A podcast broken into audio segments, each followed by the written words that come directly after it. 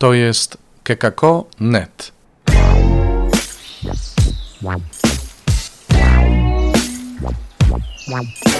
Poranny suplement diety. Chrystus zmartwychwstał. Witajcie w porannym suplemencie diety. To już jest czwartek, ósmy dzień kwietnia. No, oktawa wielkanocna w pełnej krasie. Zima za oknem ciągle. Słuchajcie, dzisiaj mm, są przepiękne czytania, które właściwie mówią o takich dwóch stronach naszego świadectwa.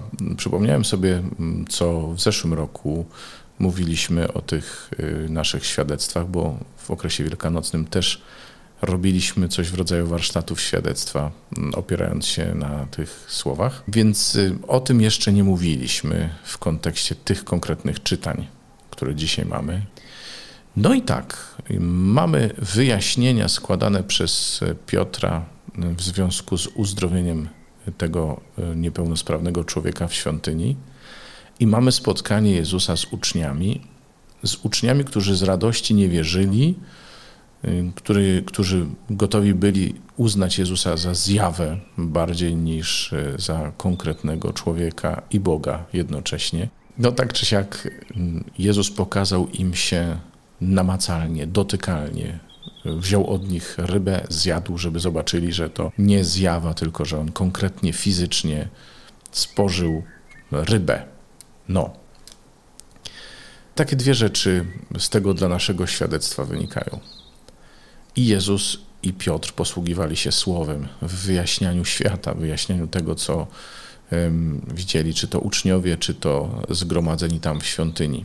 Mówiąc o uzdrowieniu chromego, Piotr powoływał się na proroctwa Starego Testamentu, tłumaczył, wyjaśniał. To jego głoszenie nie było głoszeniem człowieka, który coś nowego wymyśla, ale przy pomocy pisma wyjaśnia to, co się wydarzyło. Wyjaśnia przy pomocy pisma, bo to był język, który rozumieli jego słuchacze. Jezus prócz tego, że posługuje się pismem, posługuje się jeszcze doświadczeniem. Pokazuje im samego siebie. Daje im siebie dotknąć. To jest zresztą istota wcielenia. Spotkanie człowieka z Bogiem dokonuje się w ciele, bo tacy jesteśmy. To jest nasz język.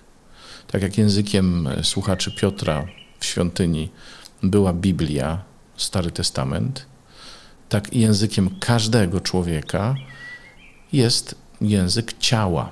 I tym właśnie językiem, prócz tego, że oczywiście również Słowem Bożym, Jezus się posłużył. Najbardziej namacalny, dotykalny język świata, najbardziej przekonywający. Pamiętacie Tomasza? Jezus zachęcał Tomasza do tego, żeby wierzył, ale nie zabronił mu dotknąć siebie, pozwolił mu siebie doświadczyć. I słuchajcie, nie ma świadectwa bez tych dwóch rzeczy, bez Słowa Bożego, owszem, ale też bez ludzkiego, zwykłego doświadczenia. Więc takie okoliczności jak te, które towarzyszyły Jezusowi i Jego uczniom, czyli jesteśmy gdzieś razem, siedzimy przy stole, może i coś jemy razem, jesteśmy w takich rodzinnych relacjach, bliskich, nie zapraszasz obcych osób do domu. Kiedy chcemy komuś ogłosić Ewangelię, kiedy chcemy komuś dać to doświadczenie, które zmieniło nasze życie, ono się nie może opierać tylko na słowach. Nawet na samym tylko Słowie Bożym. Musi być ten drugi wymiar, ten ludzki wymiar, wymiar przebywania ze sobą, wymiar taki prosty. Czasem e, ktoś może pomyśleć, że to takie świeckie. No właśnie, taki świecki wymiar. Jezus pokazał się uczniom poza kontekstem świątyni, w miejscu, gdzie nie było kultu, gdzie byli tylko przestraszeni, zdziwieni ludzie.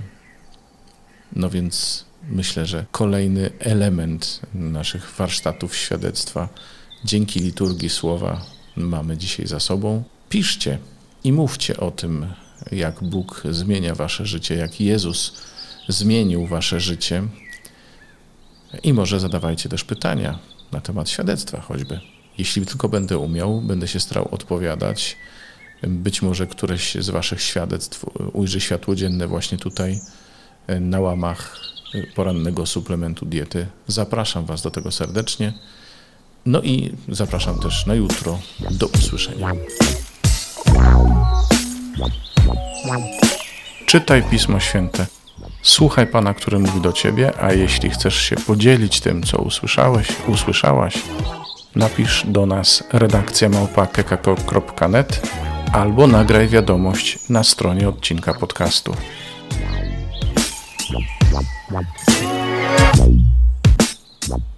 Wow.